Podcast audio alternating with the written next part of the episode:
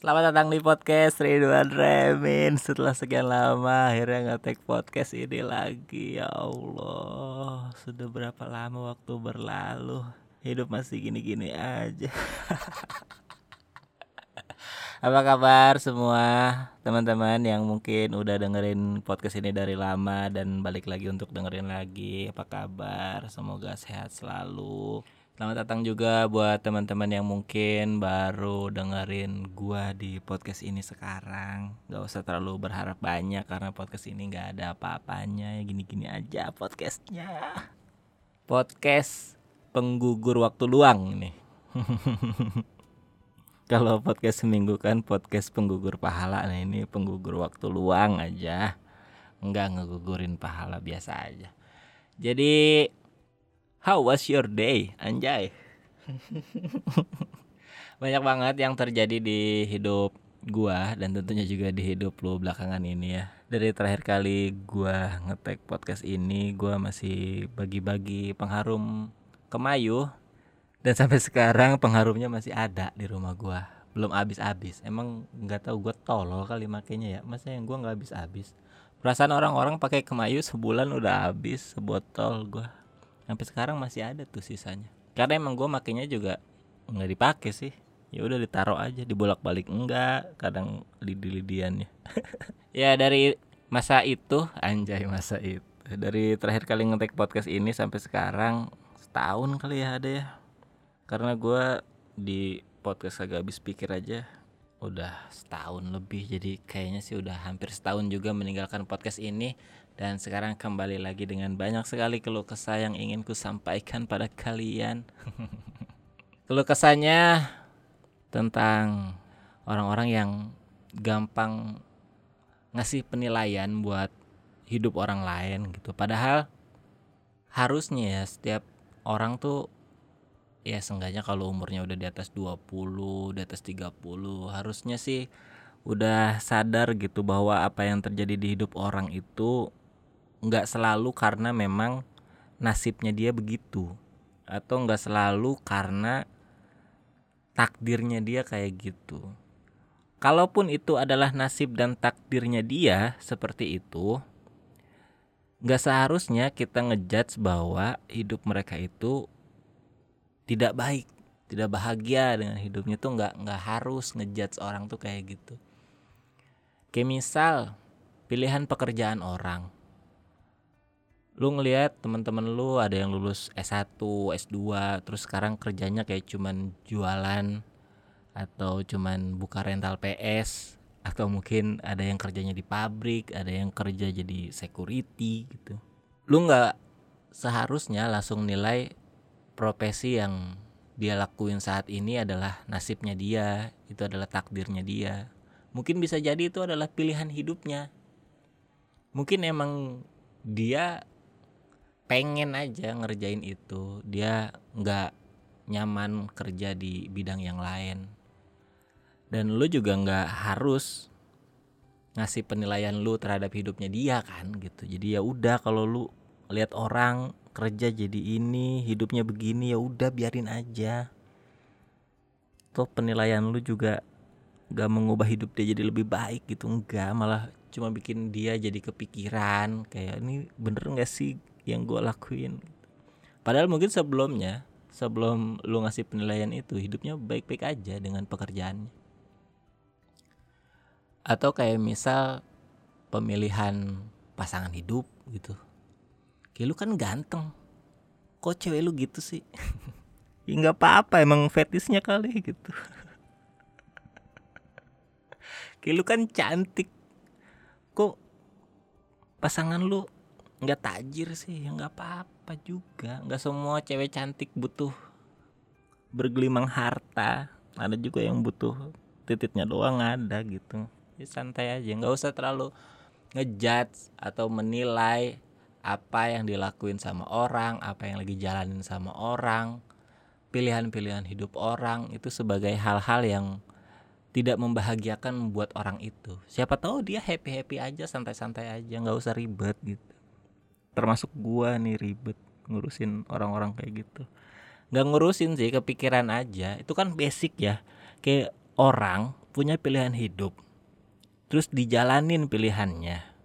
Nggak ngeluh nggak minta tolong ke lu nggak minta penilaian kok lu langsung suka rela sih gitu nilai dia ngejudge dia gitu. Itu kan basic nggak perlu lah. Nggak perlu so sosokan peduli peduli amat sama orang kalau emang lu nggak peduli peduli amat gitu. Ya emang sih jadi cuek kayak gue juga nggak baik cuman kan gue nggak ngerepotin orang. Gue nggak bilang gue nggak peduli sama lu di depan mukanya gitu. Gue nggak bilang gitu dalam hati aja gue nggak peduli sama dia anjing gitu. ya udah nggak usah. Ya karena gue belakangan ini tuh lagi sering berhadapan sama orang-orang yang seperti itu orang-orang yang gampang banget nilai hidup gua gitu. Padahal apa yang gua jalanin saat ini apa yang gua rasa saat ini tuh ya baik-baik aja gua ngerasanya normal-normal aja. Kayak misal kenapa sih gua gak mau tampil di YouTube-nya Deddy Kobusier ya karena gua nggak mau aja gitu Emang lu nggak mauan dibayar harga korporat? Nggak mau, gua nggak pengen. Bukan itu yang gue cari di stand up anjay. materi tepi jurang, materi tepi jurang. Dalam jurangnya lah kita ayo main.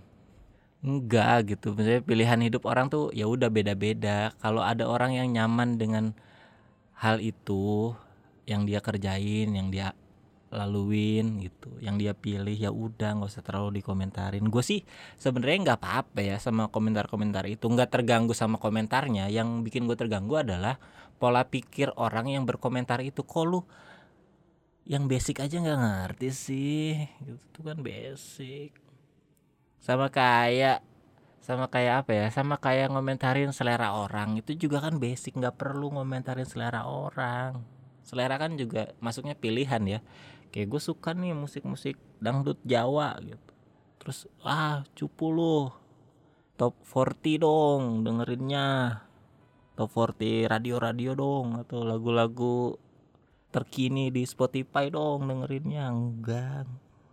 Enggak enggak ada yang lebih baik dari yang lain. Kalau urusan selera mah enggak ada sesuai kenyamanan kalau emang itu dirasa bikin lo bahagia terus lo memilih itu ya udah. Kalaupun lu ngerasa yang dia pilih itu tidak sesuai dengan standar kekerenan atau standar bahagia yang lo punya di kepala lo ya udah nggak apa-apa juga kan standar orang beda-beda. Jadi yang gua resahkan atau yang gua pikirin tuh kok orang masih ya ngerasa penilaiannya penting ngerasa standarnya tuh harus diakuin sama orang atau ngerasa kayak apa yang dia omong tuh selalu didengar gitu. Enggak udah diem aja diem. Satu-satunya momen lu harus ngeluarin suara tuh ketika pemilu aja. Di momen yang lain gak usah ngeluarin suara. Berisik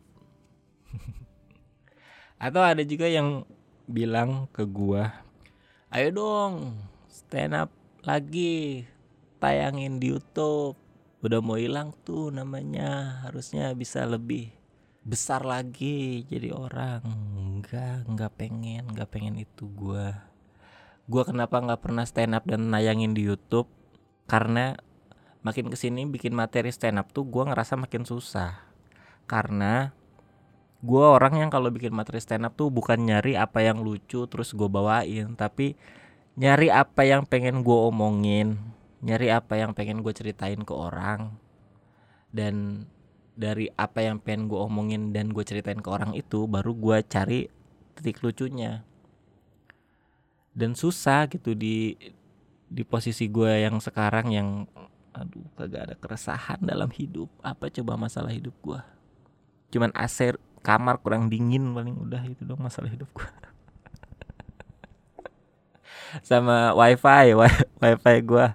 Kadang kalau buka shopee gambar nggak kelihatan tuh harus pakai paket data dulu. Itu masalah hidup gua. Masa gua bawain di stand up nggak ada yang lagi pengen diomongin. Nggak ada yang terlalu uh, segitunya mengganggu pikiran gue ada yang kayak kayak kayak gini nih kayak kok orang bisa ya mikir gini kok orang bisa ya bertindak seperti ini? Tapi cuman sebatas itu aja nggak terlalu pengen gue share ke orang apalagi di panggung stand up gitu nggak juga. Paling satu-satunya hal yang sempet gue rasa mengganggu hidup gue dan gue bawain atau gue bikin jadi materi stand up itu paling tentang orang-orang di sosial media yang makin ke sini tuh makin pengen kelihatan baik gitu. Di mana pun sebenarnya orang pengen kelihatan baik ya. Jarang jarang ada orang yang pengen kelihatan apa adanya tuh jarang.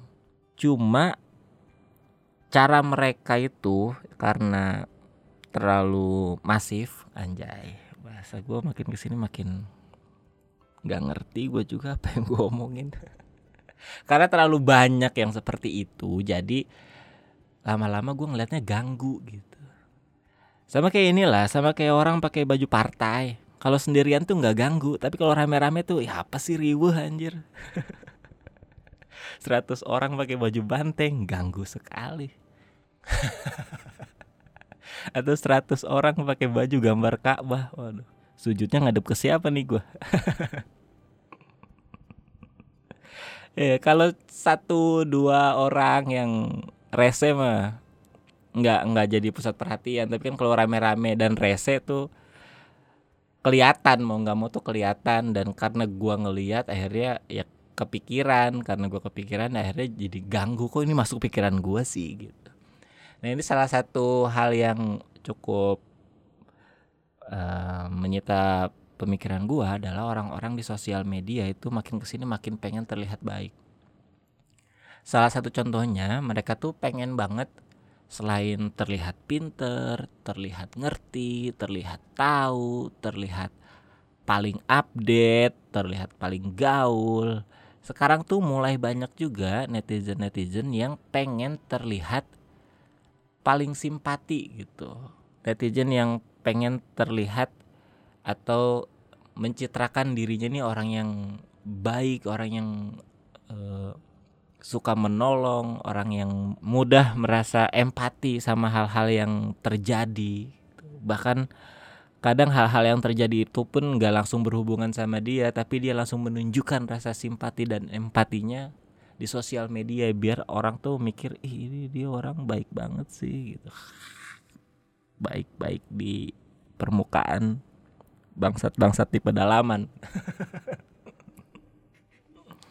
contohnya aja ya contohnya aja ya yang gue jadiin materi stand up comedy itu gue rada terganggu sama orang-orang yang terlalu nunjukin rasa simpatinya ke kasus anaknya Pariduan Kamil yang tenggelam itu banyak orang yang berkomentar sedih berkomentar ikut prihatin berkomentar dengan cara mendoakan gitu. tapi karena itu terlalu banyak yang gue lihat akhirnya gue jadi nggak nangkep sisi baiknya yang gue tangkep tuh ih lu ikut ikutan doang lu ngedoainnya kayaknya nih gitu.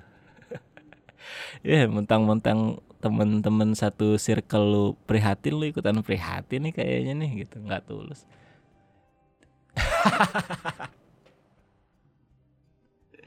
Ya mungkin gue memang tidak sebaik itu ya karena gue juga tidak terlalu peduli makanya gue nggak ada komentar apa-apa soal kejadian itu ngedoain enggak nyukurin juga enggak ya udah lewat aja di gue sih. Cuma ya itu komentar-komentar orang yang terlalu bersimpati dan berempati itu kadang bikin gue jadi bukan cuman mikirin hal positifnya keren ya kita saling mendoakan. Enggak gitu tapi yang kepikiran dari gue ah ini mah pansos aja nih mah apa yang terjadi gitu bikin-bikin konten tentang hal itu terus uh, bikin-bikin postingan tentang hal itu. Ah. sebenarnya kalau dibaca sekilas mah komentar-komentar mereka tuh normal-normal aja. Tapi karena gue udah ada pikiran negatif jadi apa pun yang gue baca tuh kesannya udah jadi hal yang negatif juga. Kayak misal komentarnya tuh keren ya Pak Ridwan Kamil. Rela cuti kerja buat nyari anaknya Ikan wajar ya? Wajar gak sih? Wajar lah.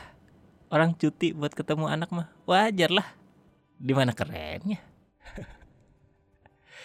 Jadi jadi lebay kan ya? Ih keren banget sih cuti kerja buat nyari anaknya. Wajar tau Lu mau nyari anak terus lu lagi kerja Ya cuti lah. Nggak nggak ada yang keren biasa aja gitu ya jadi daripada terlalu bersimpati berempati nunjukin di sosial media sama orang-orang yang mungkin juga nggak terlalu butuh rasa empati dan simpati lu seperti Pak Ridwan Kamil mending lu bersimpati dan berempati sama Ridwan Remin dah. Iya. Daripada lu bersimpati sama berempati ke Ridwan Kamil mending ke Ridwan Remin. Ridwan Remin tuh anaknya nggak tenggelam. Tapi mulai bulan ini tiap hari cuti tuh gak lu? Iya lo cuti. Ridwan Kamil mah cuti masih ada kerjaan nyari anak. Gua cuti. Cuti aja udah gitu.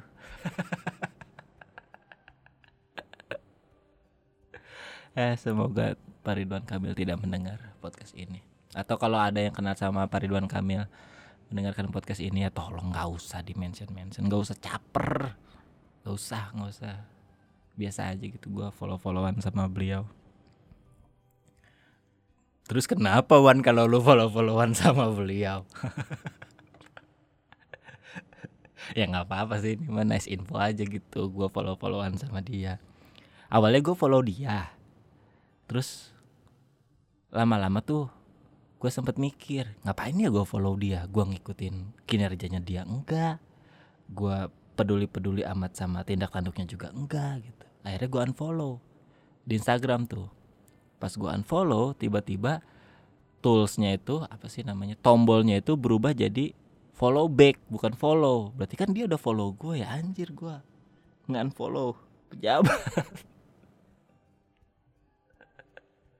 Ya udah gue follow lagi gue tuh seneng sebenarnya awal-awal bikin Instagram follow-follow pejabat ya kayak presiden, menteri, gue follow-follow tuh seneng gitu karena gue jadi jadi tahu Indonesia sedikit lebih banyak sedikit lebih banyak gimana sih dengan gue memfollow para pejabat-pejabat itu. Karena kan para pejabat itu kan kerjaannya kan ya keluar kota terus foto-foto kan jadi seenggaknya gue jadi tahu oh di kota ini lagi ada ini ya oh di kota ini lagi ada spot foto ini bagus juga ini gitu gue seenggaknya tahu Indonesia sedikit lebih banyak cuma sekarang karena gue ngerasa tidak ada manfaatnya juga memfollow mereka orang-orang yang tadinya gue follow gue unfollow lagi gitu. Termasuk presiden Jokowi juga udah gua unfollow di Instagram dan Twitter. Apalagi di Twitter tuh lebih awal gua nge-unfollownya. Karena setelah gua pikir-pikir ngapain ya gua follow Pak Jokowi di Twitter? Nge-tweet lucu nggak pernah. Balasin komen juga nggak pernah. Terus gue perasaan lu bukan member JKT dah. Habis itu baru gue unfollow dia di Instagram. Karena gue ngerasa foto-foto estetiknya terlalu dipaksakan gitu kayak outfit yang dia pakai tuh kayak bukan keinginan sendiri gitu. jadi ya enggak terlalu banyak gimmick jadi udah unfollow unfollow semua aja lah gitu. Gue sekarang follow orang-orang yang memang udah gue kenal atau dari kalangan followers yang gue ngelihat dia sering gitu komen, sering reaction, sering sapa-sapa gua terus udah lama juga jadi kayaknya gua follow aja deh gitu. Tapi selebihnya udah nggak pernah. Bahkan selebgram selebgram cantik yang biasanya gua follow-follow aja sekarang udah nggak ada udah unfollow unfollow. Kecuali yang udah saling follow. Kalau mau di unfollow kan nggak enak. Cuma kadang kalau udah ganggu banget dan nggak penting-penting amat ya udah blok unblock aja lah. Karena makin ke sini gue makin males ngelihat hal-hal yang nggak pengen gue lihat atau yang ketika gue lihat tuh tidak tidak memberikan banyak manfaat tuh gue udah udah males gitu. Ya semoga kalian juga kayak gitulah apa? Kenapa ujuk-ujuk gue kedoain lu ya? Ya ya semoga kalian uh, menjalani hidup kalian seperti apa yang kalian mau. Itulah gua nggak mau ngejat hidup kalian. Udah baik atau belum? Mau kerja apa? Mau sekarang sibuk apa? Mau punya pasangan seperti apa? Mau punya cita-cita seperti apa? Mau punya selera musik kayak gimana? Kalau emang itu bikin kalian bahagia pertahankanlah karena lebih baik orang gak suka sama lu karena lu jadi diri lu sendiri daripada lu udah capek-capek jadi orang lain tapi orang lain tetap gak ngeliat lu. Itu aja buat podcast Ridwan Remin kali ini ya. Nanti kalau masih ada waktu nganggur dan luang gua bikin episode selanjutnya tapi nggak usah ditunggu lah. Nanti kalau ada dipromoin kok. Dadah